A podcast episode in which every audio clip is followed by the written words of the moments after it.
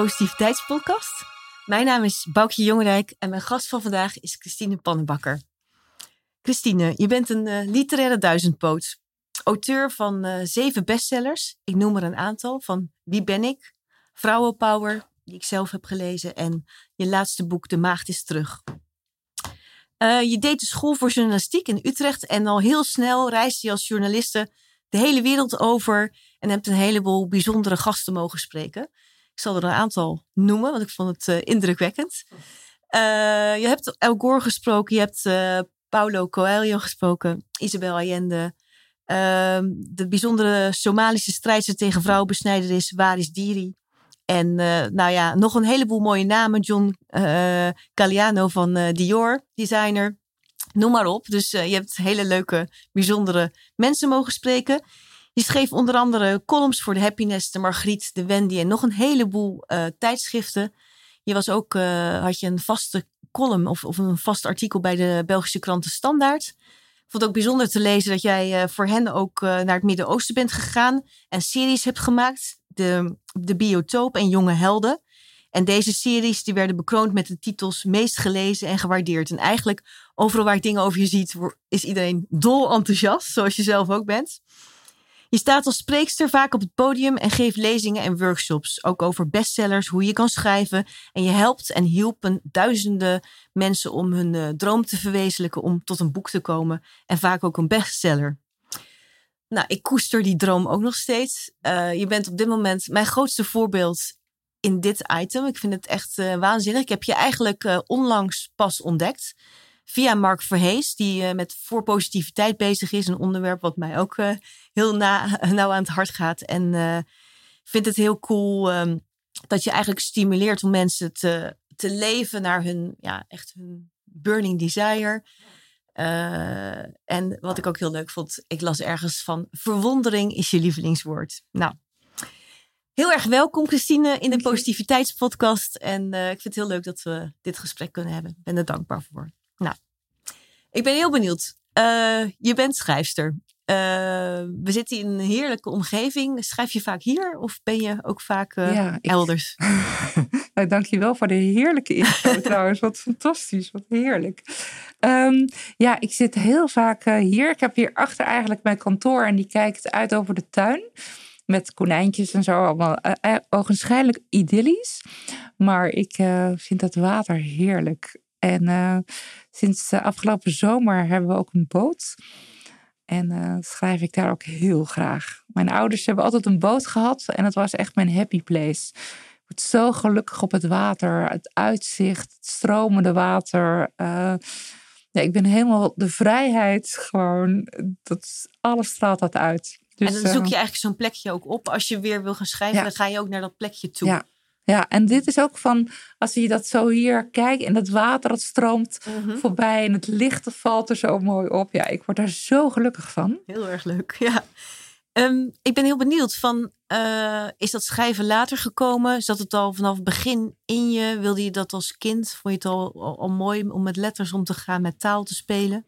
Ja, ik heb altijd gezegd, ik word schrijfster. En toen ik was een heel, heel klein meisje, ja? ik kon nauwelijks praten. Toen zei, moeder al van, ik word, uh, zei ik tegen moeder, ik word schrijfster en ik ga wonen in een wit huis. Nou, dus niet helemaal. En ik heb een hondje in de mand. Nou, een hondje is er wel, het ligt nooit in de mand. Dus die staat er een beetje voor de sier. het ligt altijd op mijn voeten. Maar uh, ja, dat leven, ik heb dat altijd gewild. En uh, toen ik op school zat, toen zei een leraar tegen mij van, ja schrijfster, weet je wel. Van dat is hartstikke saai, zie je de hele dag thuis. Ga je nou maar journalistiek studeren? Toen dacht ik van, oh, dat is eigenlijk ook nog wel leuk. Want dan kan ik gewoon alle mensen die ik zou willen spreken in mijn leven, mm-hmm. kan ik gaan spreken. Dus toen ben ik naar school voor journalistiek gegaan. En uh, heb ik het in eerste instantie ook gecombineerd, de journalistiek en het schrijven van boeken.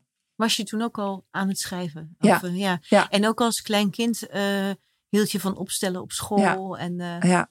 Oh, uh, ja, heerlijk ja. vond ik dat. Ja. Leuk, leuk, leuk. ja. En um, ja, um, jij zei net van, ik heb dan een hele idyllische plek. Um, ik zie, uh, als ik hoor over schrijven, dan, dan stel ik me dat ook zo voor me. Hè? Allemaal heel mooi en romantisch. Maar ik kan me ook voorstellen dat er ook wel dalen zijn. Het zal niet altijd helemaal lekker uit je pen vloeien. Uh, is het eenzaam soms? Of ziet, heeft het ook een andere kant dan de... Nou ja, zeker. De eenzaamheid, dat is er ook. Omdat je bent het echt zelf aan het doen. Je bent soms zelf echt aan het ploeteren. En net voordat het dan klaar is, denk je van... het is helemaal niks. Waar ben ik mee bezig geweest? Dan wil je het echt door de shredder gooien. Uh, dat herken heb ik ook echt... Um, en uh, Zonneke, mijn dochter, die had op een gegeven moment gezegd van... Goh, ik ga een paar opnames maken als je dan op de knop drukt voor de uitgever en zo. En toen zei ze, ben je nu weer aan het huilen? Omdat het zo ook echt zo kan raken. Het is ook echt een innerlijke reis die je maakt als je aan het schrijven bent. Dus dat is er zeker. Ja, dus het is ook heel persoonlijk eigenlijk. Ja, het is persoonlijk. En ik denk van echt goede boeken van... Ja, als je dan zelf al niet geraakt bent tijdens het schrijven, weet je, of hoe wil je dan die lezer raken? Ik denk wel dat je op een gegeven moment. Het is ook schrijven. Dus weet je, je ziet als mensen die over zichzelf schrijven, zeg ik ook wel van, weet je, zie jezelf als een personage. En ga niet helemaal in de alle leed van de wereld. Dat is niet prettig om te lezen. Maar wel dat je nog een, een binding houdt met het onderwerp. En ik geloof van dat je altijd het boek schrijft over de dingen die je nog zelf te leren hebt. Dat er altijd wel iets is, een soort innerlijke drijfveer van. Oh, dit is eigenlijk wat ik nog wil ontdekken. Als je dan kijkt van, uh, naar je eerste, eerste boek was Wie ben ik? Van, uh... Ja, sing, ik heb eerst singles geschreven. Oh, singles? En uh, dat was toen dat ik toen dacht van ja, weet je wel, volgens mij is er een nieuwe generatie van vrijgezellen die gewoon midden in het leven staan in plaats van dat die achter de geraniums uh, zitten. En, en dat was toen toch een beetje dat beeld. En later zijn natuurlijk al die series gekomen van Sex in the City en dergelijke. Ja. Dat vond ik toch wel heel grappig. Van, dat ik toen het heeft oké okay gedaan. was niet een fantastisch uh, uh, goed verkocht boek. Um, en er was ook een hele stomme cover. Echt achteraf, toen durfde ik toen niet tegen de uitgever te zeggen van... Ik ken hem niet. Ja, het is, ja, er staat een, een, een, een heel raar vierkant vrouwtje met een één. Alles wat ik, alles, Kies mij. Of alles wat? wat ik niet wilde. Oh, staat daarop. Ja, terwijl ik had in mijn hoofd een, een, een zwart-wit cover van een meisje met wapperende haren oh. of zoiets. Nou, dat is niet geworden. en daar is inderdaad heb ik Wie ben ik geschreven, ja. Ja. En je zegt eigenlijk van, is, is het bij jouw boeken dan ook zo dat er steeds het boek wat kwam, uh, uh, symbool staat ook wel voor een, een periode waar je zelf ja. in bezig was? Of? Ja, zeker de singles was inderdaad dat ik toen dacht van, ja, maar weet je wel, het is hartstikke leuk, weet je, vrij in het leven en zo'n leven, daar stond ik toen ook heel erg voor. Ja, wie ben ik? Dat werd toen mijn spirituele zoektocht van alles in het leven aangaan en, en wat is er allemaal en hoe kan je een soort zelf soul search uh, doen. Mm -hmm. En ja, ik heb onder andere ook het Mama Masterplan geschreven oh, ja. over positief opvoeden. Van, toen was je net zelf moeder? Of, ja, of ja? Ik was, ja, toen ik zwanger was ben ik begonnen. Mm -hmm. En toen waren zo al die series op televisie over de nanny. Van al die kinderen die maar op de trap werden gezet. Zoek het verder uit. en ik dacht van ja, dat, volgens mij moeten we dat op een andere, kunnen we dat op een andere manier doen. Dus ben ik ook gewoon allemaal mensen gaan interviewen ook over hoe zien zij dat nu? Uh, wat is dat nu eigenlijk? Wat is natuurlijk ouderschap? En uh, ja, hoe kunnen we het best mogelijke doen? Nou ja, dan vrouwenpower. En uiteindelijk inderdaad, de maagd is terug. En dat was ook, is ontstaan juist omdat ik een beetje toen onder een steen zelf was gekropen. En ik heb dat boek echt geschreven om het vuur in mezelf weer terug te laten komen. Dus dat is denk ik wel gelukt. Leuk, daar gaan we zo nog wel even op in. Dat vind ik wel heel tof. En uh, toen je je zegt eigenlijk, toen heb je eigenlijk de journalistiek gekozen. Eigenlijk omdat iemand tegen je zei van, nou, is dat niet iets moois, uh, Christine, om, om te beginnen? Uh, is dat een soort springplank ook voor het latere schrijven voor jou geweest? Of, uh... Nee, ik ben altijd wel blijven schrijven. Ik wist wel van, uiteindelijk zullen het boeken zijn. Mm -hmm. Maar wat het fijne is aan de journalistiek, dat ik dacht van, wie ik ook wil spreken op de wereld, dat kan gewoon. Ja, maar ook op de wereld. Ja, ja. En dat, maar het kan dus ook echt. Want Ja. uiteindelijk, mensen die gepassioneerd zijn, die willen hun verhaal vertellen. Ik denk dat het misschien nu iets veranderd is met social media. Weet je, die kunnen dus constant ook gewoon overal hun verhaal zeggen. ja, Maar vroeger moest je echt naartoe. moest je er echt naartoe. En wilde bijvoorbeeld ook iemand als een Yasser Arafat ook gewoon zijn verhaal vertellen. En de Simon? Peres. En ja. En dan dacht ik wel van ja, dat is wel wat er ehm, toen natuurlijk was. Die mensen die iets hadden van ja, mijn verhaal. En in het, in, in het Westen moeten ze ook weten van hoe ik denk en hoe ik leef. Ehm, ja, dat was, vond ik heel opvallend. Van ook Maar ook heel bijzonder, want eh, ja, niet iedereen vliegt de hele wereld over. Want had jij dat speciaal aangegeven dat je die ambitie had om echt, eh, nou ja, vanuit je diepere wens van ik wil iedereen over de hele wereld spreken? ik wilde heel erg het menselijke gezicht laten zien van de politiek, heb ik een tijdje gedaan. Dus van, oké, wie is die persoon die we op televisie zien? Van, Ja. ja, hoe gaat hij s'avonds naar bed toe? En waarom staat hij 's morgens op? En wat zegt hij tegen zijn kinderen? Dus de Dus dan krijg je eigenlijk een heel nieuw, heel- nieuw verhaal. ja, van ja. dan wat de, de grote eh, massa kent eigenlijk. Ja, bijvoorbeeld eh, met Arafat, dan normaal gesproken kreeg je dan 20 minuten en dan stond er iemand en die, moest je, die haalde je dan weg. Maar omdat ik ook hele andere in- interviewvragen had, had hij zoiets van, oh, nee, laat het nog maar even blijven. Oh, hij vond het leuk hoor. Ja, en toen zei hij daarna van, eh, wil je anders even gaan wandelen in de tuin? Gewandeld in de tuin. En toen ben ik nog met hem mee naar huis gegaan, heb ik zijn vrouw ontmoet. En die ook allemaal dingen over hem verteld heeft. Dus dat was, ja, dat is zo uniek dan. Van, Ja.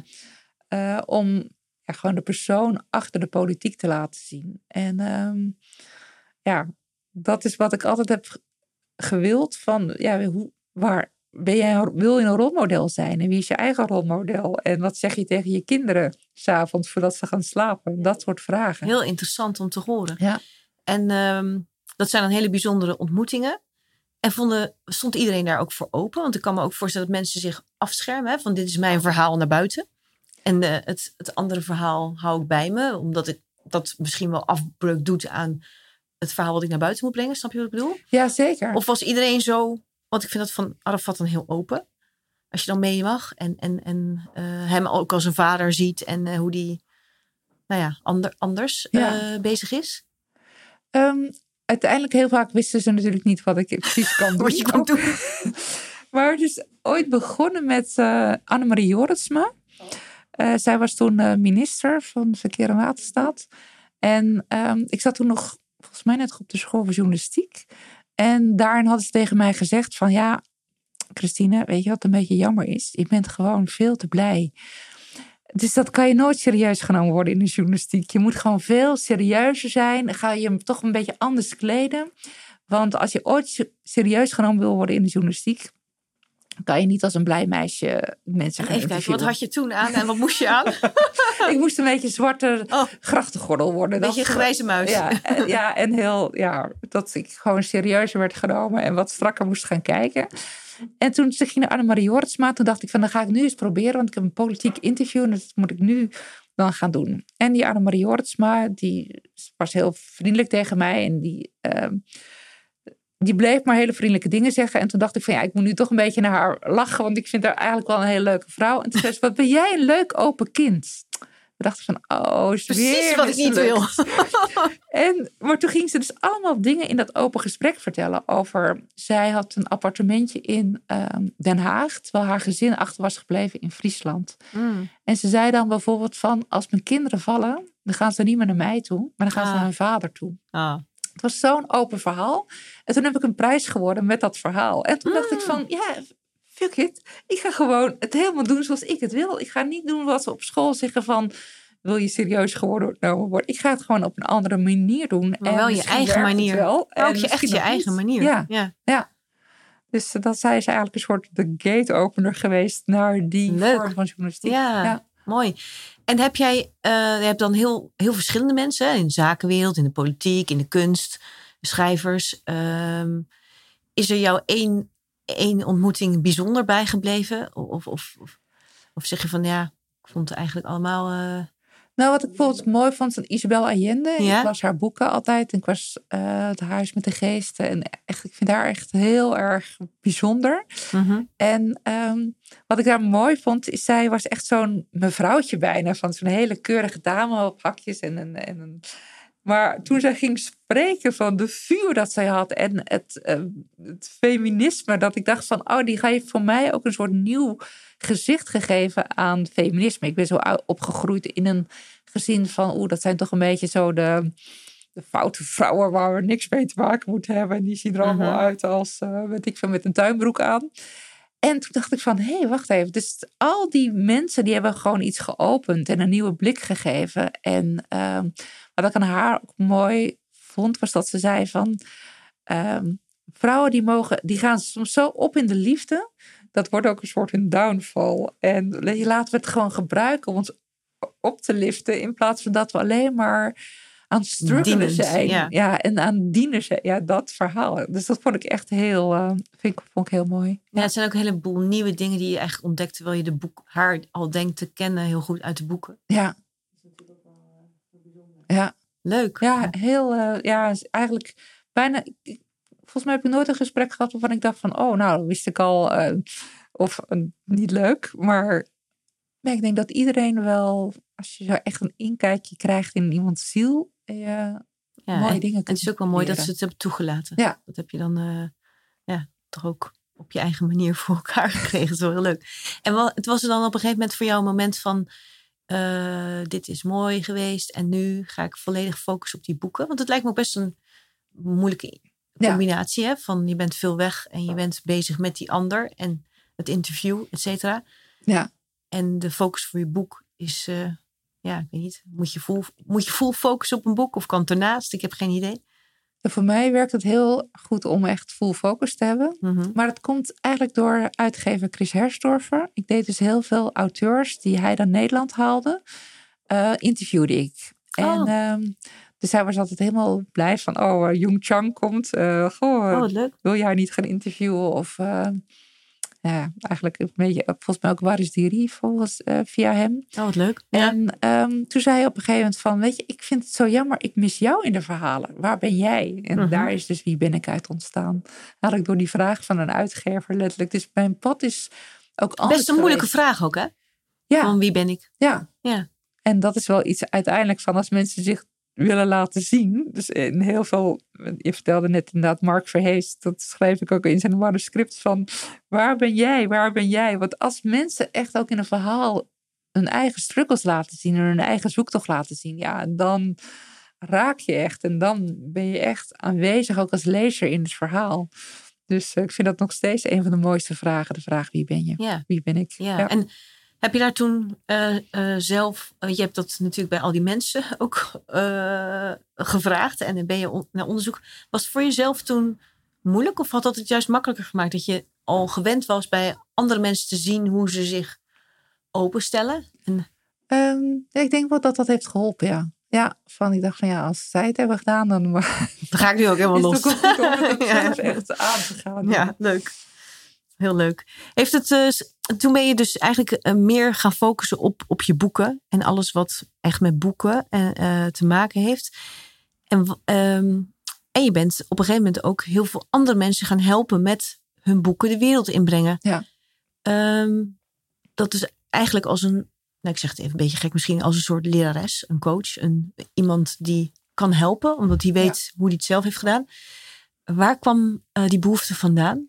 Nou, het was eigenlijk eerder de behoefte van, van lezers. Die, die kwamen echt elke dag op een gegeven moment vragen van...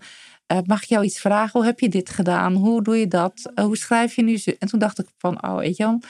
Misschien ga ik gewoon een keertje een cursus geven van... En dan kan ik, want ik, op een gegeven moment was ik alleen maar mailtjes aan het beantwoorden van hoe iedereen dat... Toen dacht ik van, ja, dat werkt ook niet helemaal.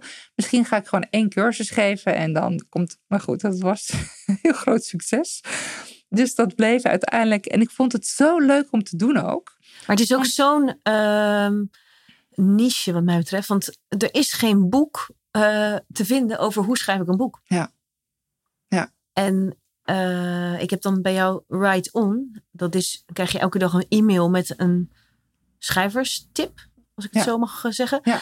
Maar die informatie, die is, die is nergens te vinden. Ja. Dat is gewoon heel, heel gaaf. Ja. En zeker om die van iemand te krijgen die het al talloze keren zelf al die processen heeft doorgeakkerd. Ja. Dat nou, is echt leuk. leuk. Ja, dat is echt leuk. Ja. ja. ja.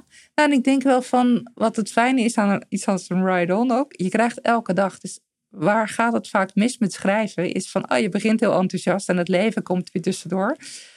Maar als je dus inderdaad je mail opent, ja, dan, daar is ze weer. Nou, misschien ja. kan toch weer... Komt er niet uh, onderuit. Nee. ja, en ik denk dat flow blijven, blijven schrijven. Want gewoon gaan zitten en blijven zitten. Uiteindelijk is dat het grootste geheim van schrijven. Ja, dat is best een moeilijke, denk ja. ik. Van, uh, en heeft het schrijven van, het boek, uh, van je eerste boek je leven veranderd? Um, nou, ik ben wel helemaal verliefd geworden op het schrijversleven. En het schrijversleven is voor mij echt gewoon het leven van de vrijheid. Ja. eh, gewoon helemaal je eigen tijd mogen indelen. Uh, zelf op reis gaan in je eigen boek, in je personages. En zeker als je een roman schrijft, Mhm. dan doet je personage iets. En dan denk je van, ja, doe dat nu niet. Maar je hebt het dan wel zelf geschreven. Maar de dag daarna denk je van, ja, ik moet het nu ook gaan oplossen wat hij nu heeft uitgesproken. Ja. En, het hoeft natuurlijk ook ja, niet, te, het hoeft ook niet te kloppen. Het hoeft Nee. niet eh, juist Ja. te zijn. Het hoeft je, niet... Ja, je houdt het toch, je houdt jezelf soort in, in actie. En ehm, ja, voor- een deel is het zo van, het hoeft niet juist te zijn. Bijvoorbeeld research is dan weer wel, want ik heb toch Ja. dat journalistieke. Dus ik wil ook altijd wel dat alle informatie dan heel erg klopt. Dat is dan een beetje dat die Ja, maar dat lijkt mij, dat, eh. dat trekt me ook heel erg aan in jouw boeken. Bijvoorbeeld jouw laatste boek. Ik vind het altijd best wel leuk om dingen uit te puzzelen. En, en dingen op te zoeken. En dan wil ik weten hoe het zit. En dan eh, ja, van het een komt het ander. Ja. Maar het leuke is ook in jouw laatste boek, wat over Jeanne d'Arc gaat, zit zoveel eh, ook geschiedkundige informatie. Ja. En het is een verhaal. En het is een oproep. En het is persoonlijke ontwikkeling, zou ik maar zeggen. maar eh, ik kan me voorstellen, de, de, de research. Ik, hoe heet deze stijl? Want dat weet ik eigenlijk niet. Het is dus een combinatie in mijn ogen van eh, dat er ehm, historische feiten of dat er kennis in zit, gecombineerd met een, een, een verhaal en een eigen. Ja, in het boekhandel ligt hij bij, de, een, bij fictie, dus bij de romans. Oh, toch Ik wel. heb het Ja. zelf geschreven eigenlijk als een, een literaire non-fictie. Zo zie ik Oké, hem zelf. literaire Ja. non-fictie. Ja, grappig. Ja, dus Dan, eh, inderdaad gewoon, ehm, omdat het is, het is echt geschreven als een oproep ook voor vrouwen in deze tijd. Van, eh, nou, ja, het zijn ook heel veel mannen die het lezen, maar over, voor, daarvan ik dacht van, oh, we zijn zo bang geworden voor het vuur in onszelf. En eh, ik geloof heel erg dat dat echt gewoon in ons DNA zit. Van ja, weet je, vuur dat is heel gevaarlijk. En als ik afwijk van, ja, dat moet je niet willen. Want dan kan je gewoon ter dood worden veroordeeld. Dus ik denk ergens dat dat voor mezelf ook iets was van... oké, weet je wel, laten we even de as allemaal wegblazen... en gewoon weer dat vuur mogen voelen. Ja. En zo de burning desire mogen voelen. En eh, ja, dus toen, dat heb ik tijdens het schrijven ook bij mezelf weer gehad. Van, nou ja, Ja, want misschien mogen we even, mag even terug. Nee, jij gaf in het begin aan van ik zat onder een steen. Ja. Ik, ik interpreteer dat als ik had me verstopt. Ja. Ik was niet oké. Ja, ik had, eh, ik, ging- ik had een waanzinnig gelukkig huwelijk altijd. Toen Mhm. ben ik, eh, zijn we uit elkaar gegaan. En dat heeft er enorm ingehakt. Ik was daarvoor echt zo degene die stralend over straat met wapperende haren ging. en daar, dacht ik wel van, oeh, ik was, zat echt, ik was een beetje de vrouw in de spijkerbroek met een staartje in. En dat ik echt wel dacht van, ja, weet je wel, ik, ik- er moet iets gebeuren. Maar En jullie hebben één dochter, hè? Ja, ja. ja. en ehm, dus we hebben inderdaad de hele wereld over gereisd, heel veel samen gedaan. Ook heel veel, eh, ook de eerste schrijfweken samen gedaan. Dus het was echt zo'n leven bijna als drie musketiers. Mhm. Dus toen dat uit elkaar eh, viel, ja, toen moest wel even mezelf bij elkaar rapen van oké, hoe gaan we dit nu eh, doen in het leven? Mhm. En toen zat ik in, ehm, in Rijms, in de kathedraal van Rijms. En ik was daar zo in stilte en ik was even aan het bidden van oh, oh hoe, moet dit nou? verder? Ja. Ja, hoe nu verder? En toen hoorde ik iemand die zei van eh, schrijf mijn boek. En ik was een beetje geïrriteerd en ik dacht van jeetje, dan zit ik hier en er is Eindelijk iemand rust. die iets heeft van goh, ehm, goh by the way, kan je een boek schrijven? Dus ik keek om, maar ik zag dus helemaal niemand. Ik dacht van dat is heel raar.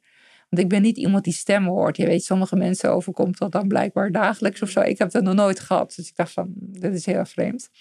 Dus ik dacht, nou, zal wel niks zijn. Dus ik ging verder. En toen hoorde ik dus weer, schrijf mijn boek, maar echt luid als stem. Toen keek ik om me heen. Toen zat daar, zag ik het beeld van Jeanne d'Arc.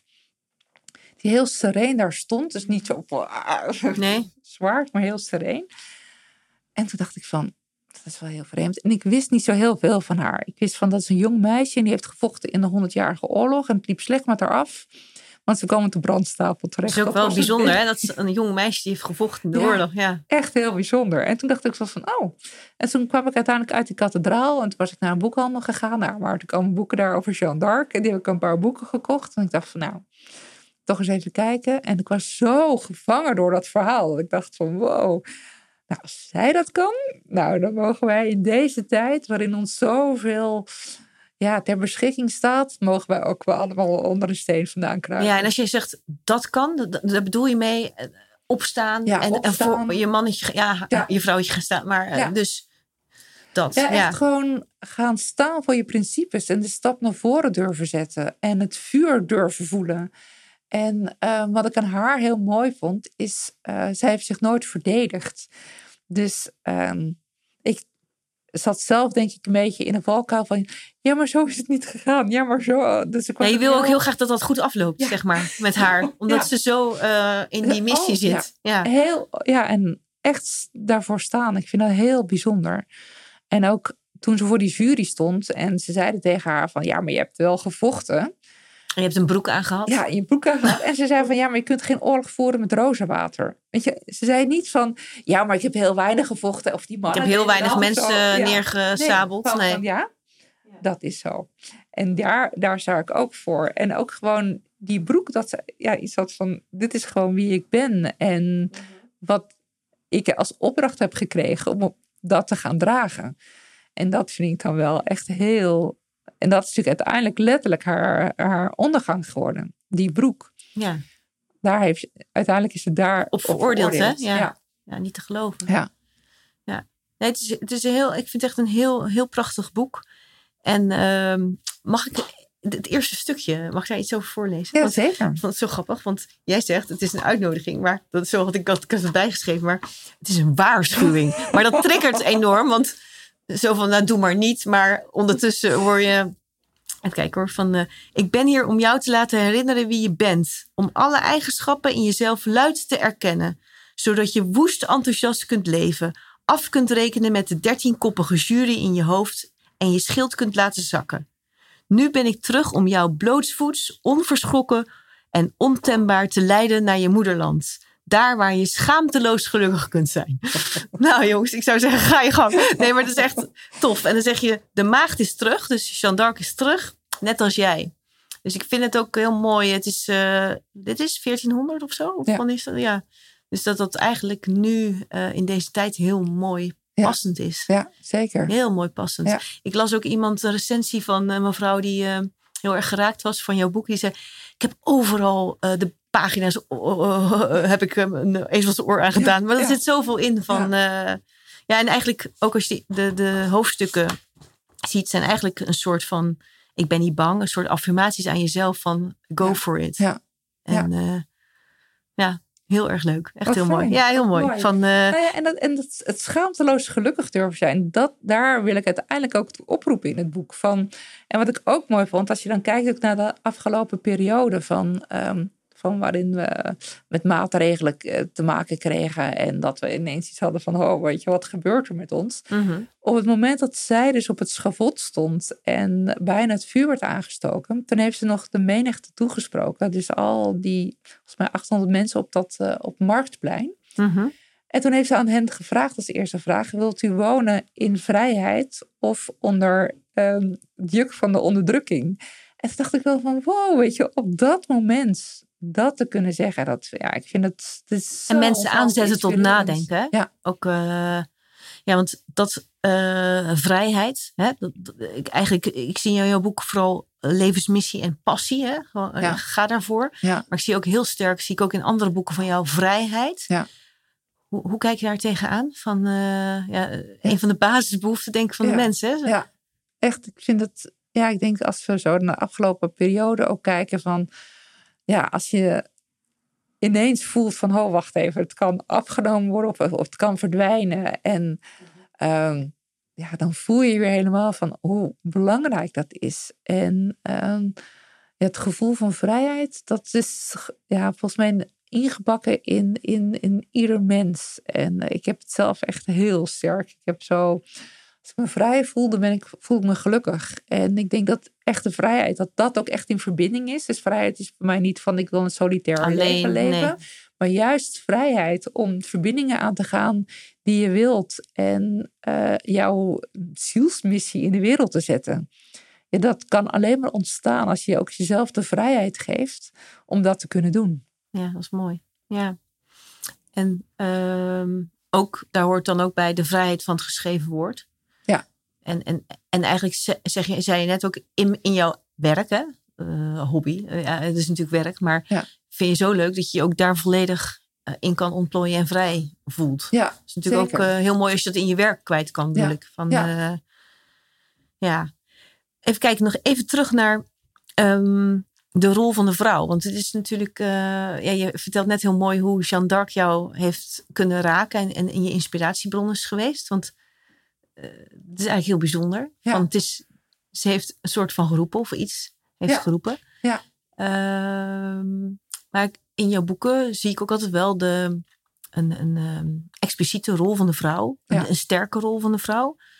Ehm, vind je dat belangrijk? Of, Ja, vind ik heel belangrijk. Ja, ik denk eh, dat het ook ja, zo fijn is om ons weer te herinneren van hoe, hoe mooi en hoe bijzonder we zijn. En dat we hier niet alleen maar zijn om te dienen. De, niet de man of alleen maar het gezin of de economie. Want ik denk dat vrouwen van, van eh, ja, diep van binnen allemaal wel een gevoel hebben van dienend te, te Mhm. zijn. Dat het ook iets is wat bij ons is, verzorgend te zijn. En dat vind ik ook echt heel mooi. mhm. En ik denk ook van dat we die zorgzaamheid ook naar onszelf mogen hebben. En daarmee ook dienend zijn aan de wereld. En ehm, Dus ook voor jezelf te zijn. zorgen. Ja, Ja. en voor je eigen zielsmissie noem ik het even. Om daarvoor te zorgen. En ook voor je eigen energie. Van dat het niet alleen wordt weggegeven, niet wordt opgevreten door de hele wereld. Maar dat, ja, die zielsenergie, dat je die mag blijven voeden. En zit daar ook nog iets van, van vroeger? Dat je zei van, eh, ja, ik ben opgegroeid in een gelukkig, traditioneel gezin. Ja. Eh, jouw broertje heeft op een gegeven moment iets gezegd van eh, dat vrouwen, dat de Grieken zeiden dat vrouwen geen ziel hadden of Ja, iets. ja. Is daar ook een soort van, nou ik zal eens even laten zien dat ze dat wel Ja, hebben? ik kom Of, inderdaad echt uit een traditioneel gezin. En mijn vader gaf altijd mijn broer vroeger als eh, zaten we aan tafel. Mijn, ehm, als mijn vader thuis kwam, dan als mijn moeder was dan helemaal mooi gekleed en helemaal in de make-up. En dan deed ze de deur open en dan ging ze naar de eh, keuken toe. Ze ging ze een wijntje in en zij spraken dan met elkaar. En wij hielden als kind aan ons mond, want ja, het was hun tijd. Dat vind ik op zich ook alweer vind ik ook wel mooi, ook ja. mooi. Ik denk van soms worden gezinnen bijna geterroriseerd door alle kinderstemmen. En daarna gingen we aan tafel. Maar intussen was mijn, ik wil het natuurlijk intussen wel echt gaan vertellen. En dan zei mijn vader altijd ten eerste als me, tegen mijn broer. En John, hoe was jouw dag?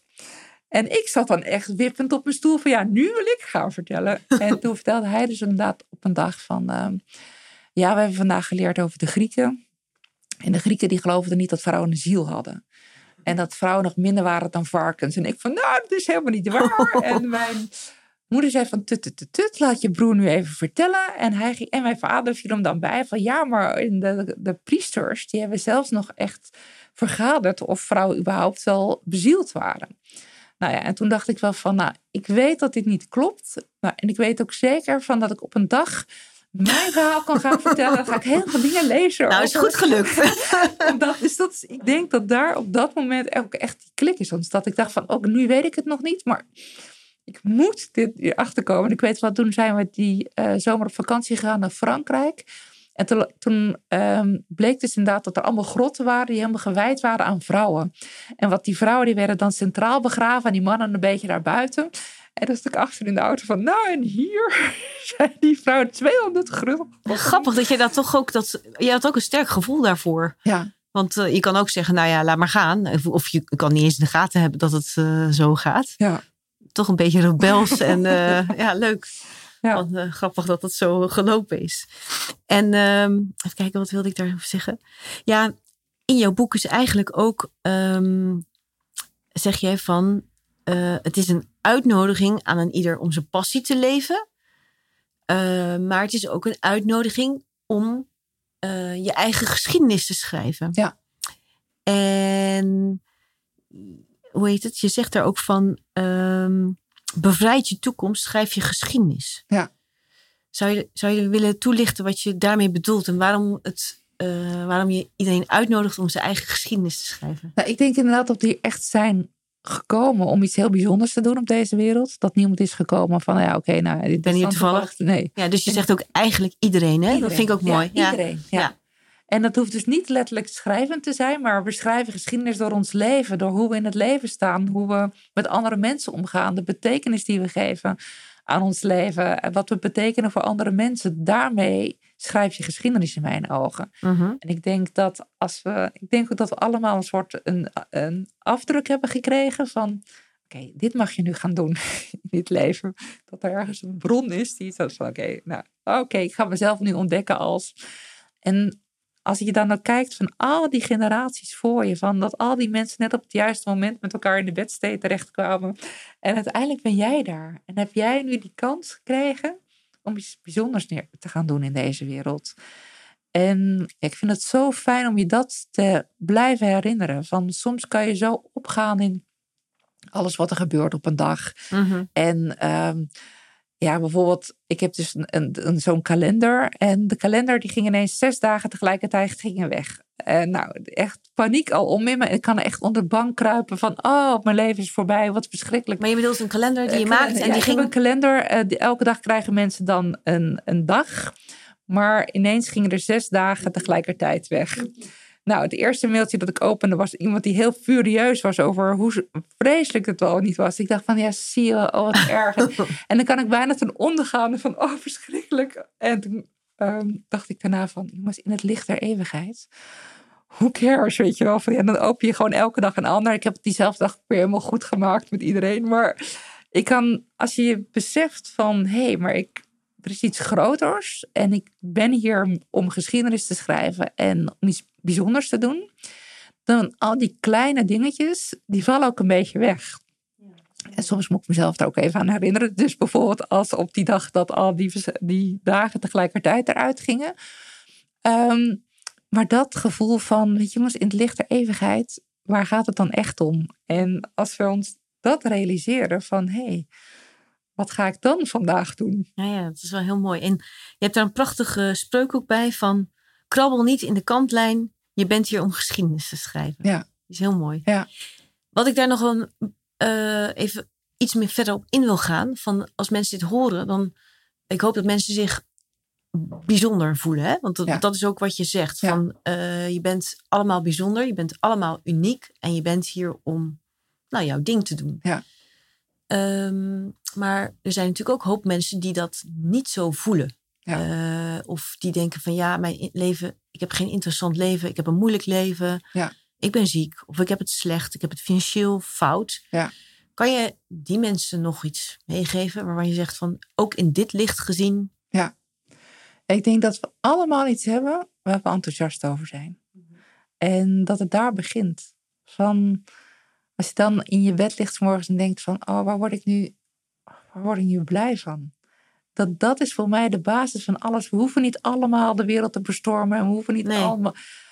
Alle grote dingen zitten voor mij juist in die kleine dingen. En eh, betekenisvol zijn. Maar eh, al is het maar 's morgens voordat de hele wereld losbarst met je schilderkwast gewoon even een paar strepen zetten en nadenken over van, oh, ja, wat is nu Ja, voor mij mijn ideale dag? Gewoon even dat moment voor jezelf, dat je daar bij stilstaat. En ik denk dat enthousiasme begint voor mij alles mee. Van, ehm, en het is maar net dus waar je enthousiast over bent. En mijn broer bijvoorbeeld is al heel lang heel ziek. En weet je, dat raakt mij ook heel erg. Dus ik ben ook heel veel inderdaad mee bezig. En, maar ook hij heeft nog heel veel dingen waar hij ineens heel enthousiast over kan zijn. Dus ik heb, ik denk van dat dat, als je daar contact mee kan maken, ja, dan verandert je leven wel. ja, dat is heel mooi. En als je dat kwijt bent, dan kan het soms ook wel helpen om te denken van wat vond ik eh, toen ik jong was of Ja. kind was. Of van, Ja. Want sommige mensen zijn ook dat gevoel, is soms wel moeilijk om dat eh, Ja. ineens op te roepen. Hè? Van, eh, ja, Ja, en inderdaad zeggen van als je toen je acht jaar was, wat je toen Ja. wilde, dat dat iets. vaak vind je dat nog steeds mooi. Ook Ja. als je naar jou kijkt, toen vond je dat schrijven ook Ja. wel heel mooi. Ja. Ja. En jij bent het gaan doen. Maar er zijn een hoop mensen die zijn het ook niet gaan doen. Ja. Wat ze heel eh, mooi vonden. Ja, en ik hoop heel erg van dat we allemaal dat daarmee in contact komen en dat te gaan doen. En sommige mensen denken van ja, maar ik kan pas enthousiast zijn als ik dan eerst dit en dat en dat. Nee, dat, ik denk echt dat enthousiasme, dat is gewoon het zaad. Dat is niet de oogst, maar daar begint het mee. Dus als je dat durft te zaaien, za- dan gebeurt het. En niet van, ah ja, maar ik moet eerst nog en al Allerlei dingen. Nee. dat is wel heel mooi. En ehm, ja, ik wilde jou eigenlijk uh, vragen hoe je tegen positiviteit aankijkt. Maar dit is eigenlijk, dat is het in feite. Want enthousiasme is wat mij betreft gelijk aan uh, optimisme, is gelijk aan uh, positiviteit. Ja. Dat is, ja, voor mij begint er ook een heel deel. Maar dat, dat kan ook een hele mooie tool zijn om juist een gelukkig leven te hebben. Dat, Zeker, dat is echt heel... Ja heel erg mooi. Nou, wat betreft het schrijven, hè, want je schrijft schrijfgeschiedenis. Um, als ik hem dan uh, goed begrijp, dat kan je heel letterlijk opvatten. Dan kan je gaan schrijven. maar je kan hem ook uh, opvatten als um, uh, doe waar je blij van wordt. En ja, leef, leef het leven, je missie of je passie. Ja. Of hetgeen waar je hier voor op de wereld bent. En ja. als je dat nog niet weet, ga daarna op zoek en ga het alsnog doen. Ja. Dat hè? Ja, dat is het ja. inderdaad. Ja. En dan ook, uh, als, je, als je het dan wel letterlijk neemt, van schrijf, schrijf je geschiedenis. Um, dat heb ik jou ergens een keer horen zeggen, dat vond ik leuk. Want je zei een keer, ja, je hoeft niet per se een heel ingewikkeld leven te hebben gehad met allerlei downs en hele spannende of trauma's om ook een boeiend verhaal te kunnen schrijven. Want dat is natuurlijk ook wel eens dat ja. je denkt van, uh, ik ben ook een geluksvogel, zondagskind. Uh, ik heb ja, ik heb ook gewoon een hele fijne jeugd. Ik heb het ook wel makkelijk. Uh, niet altijd, maar. Ja. Dus dan, dan denk je ook wel eens van, nou ja, oké. Okay. Uh, moet je altijd een schokkend verhaal? Of, maar, maar dat hoeft niet, hè? Nou ja, Paukje, als ik nu naar jou kijk, dan denk je schrijf. Ja, nee, nee, maar ik vind, maar ik vind dat ook wel boeiend. Van... Want het is, ja, want ik denk juist van, als je dan kijkt van wat jij brengt ook met de podcast van hoe je in het leven staat, hoe stralend je zit. ik denk van daar hebben we ook behoefte aan. Ja. En ik denk van dat we dat soms vergeten van, oh, mensen moeten door de grootste tranendal van het leven zijn. Nee, dat vind ik helemaal niet. Ik denk dat ook, natuurlijk is het goed, mooi om te schrijven, ook de dingen die ja. je tegenkomt in je leven. Maar van hoe ga je ermee om? En uh, dat we juist ook behoefte hebben aan licht in het leven. Ja, want dat vond ik ook wel, dat vond ik wel fijn om te horen. Dan heb ik ook wel eens gehoord van, uh, als kritiek van ja, lekker makkelijk als je het goed hebt. En, en dat, dat zie ik ook wel eens in de podcast hoor. Dan denk ik van, dan hebben we een gast en die heeft het gewoon goed. En die praat dan over een onderwerp van gelukkig zijn. En dan zijn er natuurlijk ook mensen die zeggen, ja, dat is lekker makkelijk. Als je alles, als alles gewoon lekker loopt. Ja. Maar ja, ook dan... Uh, en ik denk. zijn de uitdagingen? Ja, dat er bij niemand alles altijd lekker loopt. Iedereen, ieder mens. Ja, ik denk dat dat ook inherent is aan het leven. Dat je tegen dingen aanloopt. En hoe ga je er daar, daar dan mee om? Daar gaat het uiteindelijk om. Ja, dat is mooi. Van, uh, nou heb jij ook voor mensen een uh, traject van schrijfgeschiedenis. Wil je vertellen wat dat, wat dat is? Van, uh, Um, ik heb dus online een uh, programma waarin ik je gewoon elke dag meeneem. Ik heb een, dus de schrijfgeschiedeniskalender. Dan, dus elke dag. Soms krijg je zes dagen in één keer. Normaal gesproken krijg je dus elke dag. En ik, op een gegeven moment heb ik gedacht van ik ga een soort mijn eigen ideale jaar bouwen. en hoe ziet dat er dan uit? Mm -hmm. Het is zo lekker om s morgens wakker te worden met iets inspirerends. Nou, dan ga ik het gewoon zelf schrijven. Dus, oh, dus elke dag ja. krijg je dus de ene keer is het een vingerwijzing, de andere keer is iets van um, een quote van een schrijver, de andere keer zijn het mooie eerste zinnen van een boek. Dus allemaal dingen die inspireren om je te herinneren van, ja, je bent hier om geschiedenis te schrijven. Dus kan je gewoon elke dag instappen.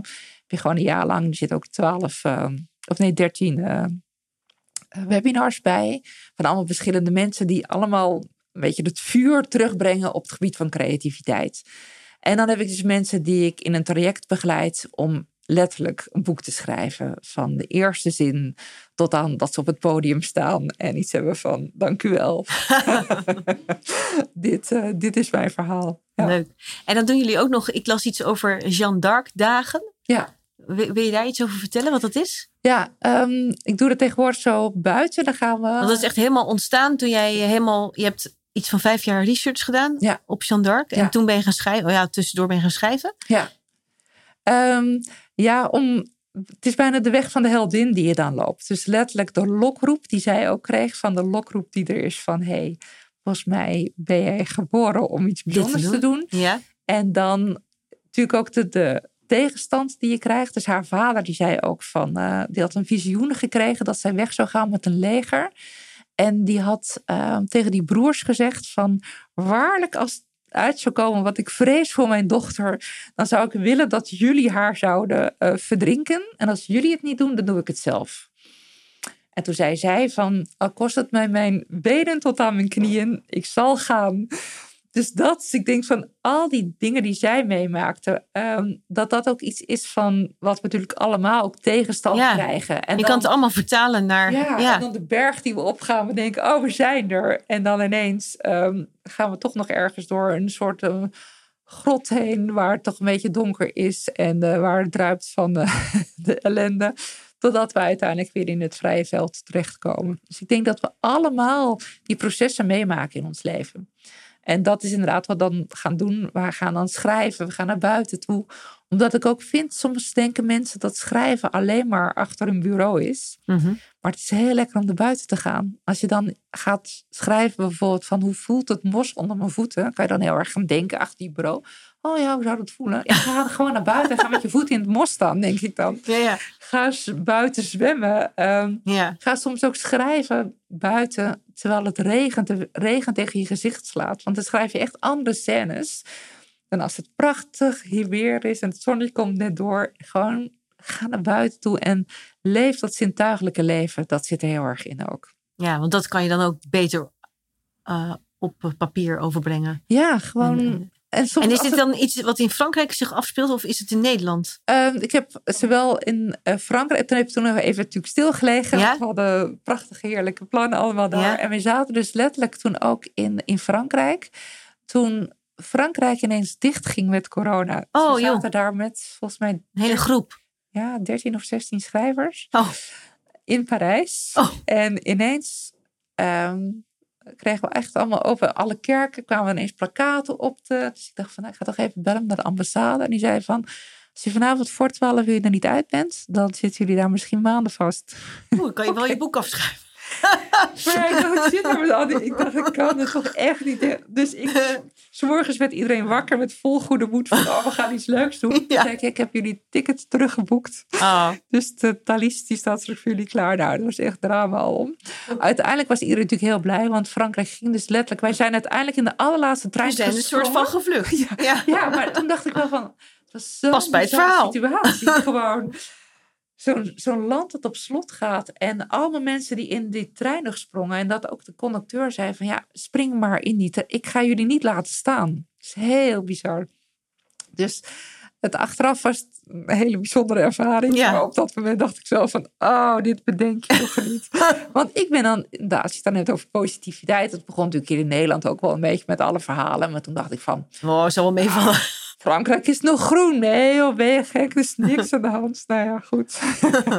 Allemaal weer goed gekomen. Allemaal goed gekomen, ja. leuk. Ja. Heb je zelf nog, uh, zijn er schrijvers of schrijfsters die jij, uh, wat, wat voor jou een grote inspiratiebron is op dit moment? Nou, op dit moment, wat zo leuk is, ik werk natuurlijk met heel veel fantastische schrijvers nu ook samen. En dat vind ik zo bijzonder ook, van dat je nu ook boeken leest daardoor, die ik misschien eerder niet had gelezen. Nou, ik heb bijvoorbeeld hier nu voor onze dochters van Monica Bankers, van zij echt ook een oproep heeft naar. Um, dat haar ideaal zou zijn ook dat haar boek uit zou komen in China bijvoorbeeld. Om al die, oh. alle vrouwen in China ook te inspireren met het idee van... hé, hey, weet je, we zijn hier ja, op haar ook gekomen om iets bijzonders te doen. Maar zij heeft de hele geschiedenis, de hele evolutie ook eens gaan bekijken van wat is nu die rol van vrouwen in deze maatschappij? En waarom zijn ze ook onderdrukt op een gegeven moment? En hoe kunnen wij weer dat op een andere manier ehm, gaan doen?